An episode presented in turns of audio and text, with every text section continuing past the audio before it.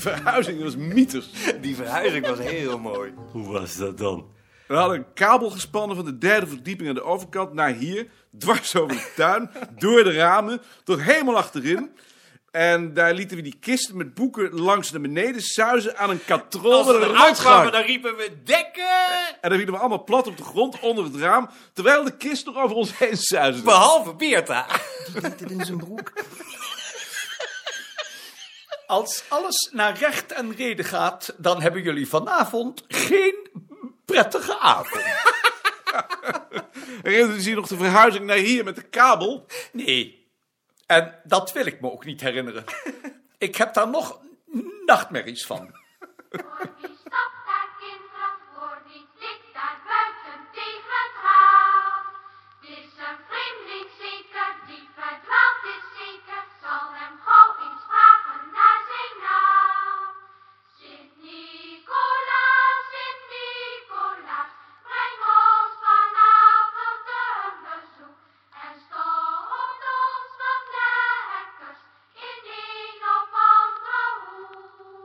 Ja.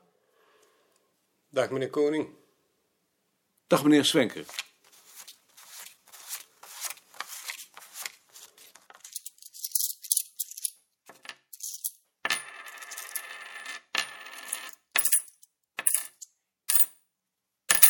Volgende keer krijgt u meer. Nog meer? Nu al? Dus had u veel te laag ingeschuild. Ik heb er een opmerking over gemaakt.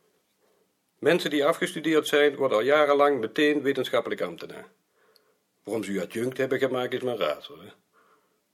Heb u toen u aangesteld werd wel uw eisen gesteld? Was dat nodig geweest? Natuurlijk. Anders pakken ze u. Als het om geld gaat, kunt u niemand vertrouwen. Ik dacht dat dat bij alle ambtenaren vast lag. Als u op mijn stoel zat, zou je er snel anders over denken. Het is in ieder geval erg aardig van u. Het is mijn werk. Prettige feestdagen en een goede jaarwisseling.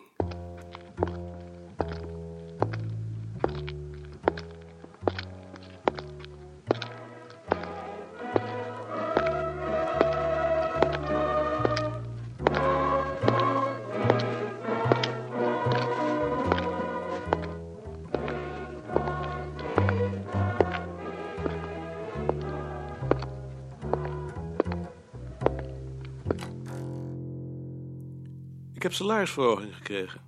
Waarom?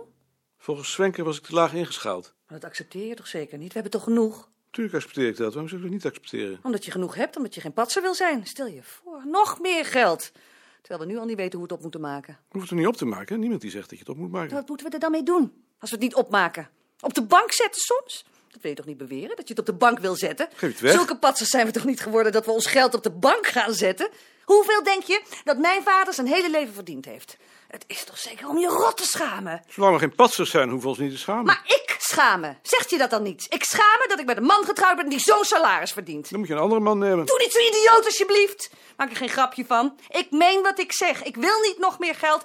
En ik eis dat je terug gaat brengen. Dat doe ik natuurlijk niet. Ik ga hem niet belachelijk maken. Maar ik eis het. Jij is niks! Patser. Rotzak. Centjes, hè? Daar gaat het je om. Als je maar centjes hebt. Patser. Ik ben geen patser. Als je dat geld accepteert, ben jij een patser. Ik ben geen patser. Breng het dan terug. Ga zeggen dat je het verdomt om zoveel te verdienen. Dat je vrouw eist dat je het terugbrengt. Ik breng het niet terug. Ze zullen maar zien komen. Dan wil ik je hier niet meer hebben. Dan, dan ga je eruit. Eruit! Eruit! Wie zijn huis is dit eigenlijk? Wie zijn huis is dit eigenlijk? Mijn huis. En het mijne toch zeker? Wat ga je doen? Ik ga eruit. Nee, nee, ga er nou maar niet uit. Ik, ik meen het niet zo. Toe, toe nou, ga, ga nou maar niet. Nee, ik ga eruit. Ik laat me niet zo behandelen. Toe nou. Laat me nou niet smeken. Ik, ik vind het ook zo akelig dat je een baan hebt. Ik had altijd gehoopt dat wij samen zouden blijven.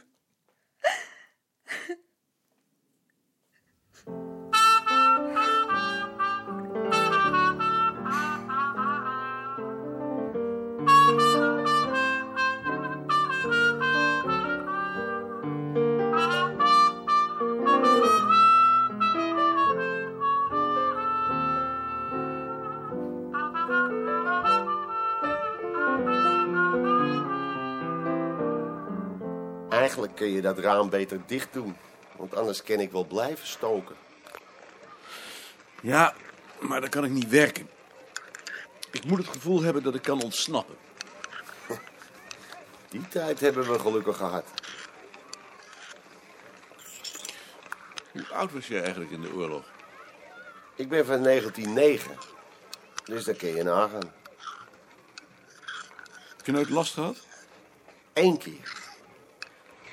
Dat was bij een razzia. Toen met die joden. Toen kwam ik na spertijd van mijn verloofde en ineens een kerel voor me. Geweer tegen mijn buik, tegen het hek en handen hoog. Nou, koning, ik verzeker. Ik heb geen spier van mijn gezicht vertrokken. Maar je had een ei onder mijn oksel kunnen gaan koken. En dan was het natuurlijk ook wel eens dat je dacht... dat had net zo goed anders kunnen lopen. En dan had je hier niet meer gestaan. Dat was een keer toen ik nog bij Lup werkte. Ken je Lup? Lup was een groothandel in tabak op het Rokin. Is na de oorlog failliet gegaan. Grote zaak. Die hadden ook klanten bij de NSB natuurlijk. Eén weet ik nog. Die had een sigarenzaak in de Kalverstraat. Heb je die niet gekend? Ik woonde toen in Den Haag. Die vent heeft na de oorlog nog gezeten. Afijn. Niemand durfde daar naartoe om die bestellingen af te leveren. Waarom niet? Weet ik veel. Bang dat de mensen dachten dat ze NSB'ers waren misschien. Maar ik dacht, als het voor de baas is, dan moet het. Zaken zijn zaken. Dus ik neem dat pak en naar die winkel toe. En die vent achter de toonbank, zijn hand omhoog. En, hou zee! Ik zeg, goedemorgen. Gewoon met een stalen gezicht. Nou, op het laatst zei hij ook goedemorgen. Maar even zo goed had hij met de grazen kunnen nemen. Want zulke lievertjes waren het niet. Dat zul je zelf ook wel weten. En een andere keer, nog zoiets. Moest ik een wedstrijd fluiten, ergens bij het bos. Bleek het allemaal weermacht te zijn, wist ik veel. Die deden gewoon mee in de competitie. Nou, ik fluit die wedstrijd. En na die wedstrijd gewoon naar de kantine. In mijn scheidsrechterspakkie. Ik kom naar binnen en je zult me niet geloven, maar het zit er stampvol met hoge mieters. Die zaten daar te vreten, want dat was daar goed, hè? Verdomd goed. Afijn, ik kom binnen, staat een van die kerels op. Hij gaat voor me staan en steekt zijn poot omhoog. Heil Hitler. Nou, daar stond ik. In mijn scheidsrechterspakkie. Als ik me had omgedraaid, had hij me zo doodgeschoten. Ik steek dus mijn hand uit en ik zeg... Dag meneer. Gewoon. Wat kon ik anders doen? Oh, maar het eten was verdomd goed. Ja, je zult me niet geloven, maar ik heb in jaren niet zo lekker gegeten. En ik denk, bruin, dat kan beter in jouw buik dan in die buiken van die moffen.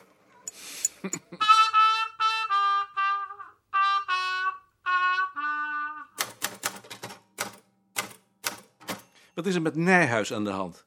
Hoezo? Omdat hij me al een paar dagen niet meer groet. Nijhuis is ontstemd omdat ik hem zijn periodiek niet heb gegeven. Ik ben niet tevreden over hem. Ik vind dat hij te weinig uitvoert de laatste tijd. Daar hoeft hij mij toch niet om te negeren? Zo is Nijhuis. Ik zou me daar maar niets van aantrekken. Is er eigenlijk iets? Nee. Waarom? Omdat je niet groet? Waarom zou ik moeten groeten? Omdat ik jou wel groet. Dat zie ik niet in. Ik denk dat je niet groet omdat je geen periodiek hebt gehad. En je groet niet omdat je denkt dat ik over je gekletst heb. Dat denk ik helemaal niet. Ik groet niemand. Zolang ik niet weet wie er over mij gekletst heeft, scheer ik jullie allemaal over één kam. Dat vind ik dus beledigend. Als je je beklagen wilt, moet je je tot Beerta wenden. Wat is dat dan voor onzin? Beerta heeft er niets mee te maken. Als je een van ons verdenkt, moet je het hem op de man afvragen. Op deze oudejaarsdag zou ik mij in het bijzonder willen richten tot u, Nederlanders in Indonesië, die juist nu een zo moeilijke tijd doorleeft en voor zware beslissingen staat.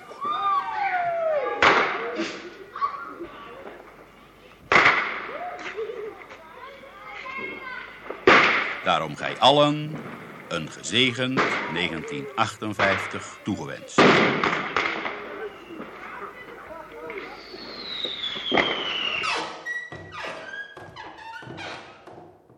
De Bruin, de beste wensen. En van hetzelfde. En dat je maar een grote jongen mag worden. Hebben jullie er nog wat aan gedaan? Kaartje gelegd en een borreltje gedronken. Er is niet zoveel meer aan tegenwoordig. Dat was vroeger wel wat anders. En jullie? Wij hebben Mens Erger niet gespeeld met mijn schoonmoeder. Kun je ook doen. Als je je maar niet ergert. Ik heb me rot geërgerd, want ik heb verloren. En daar kun jij niet tegen. Nee.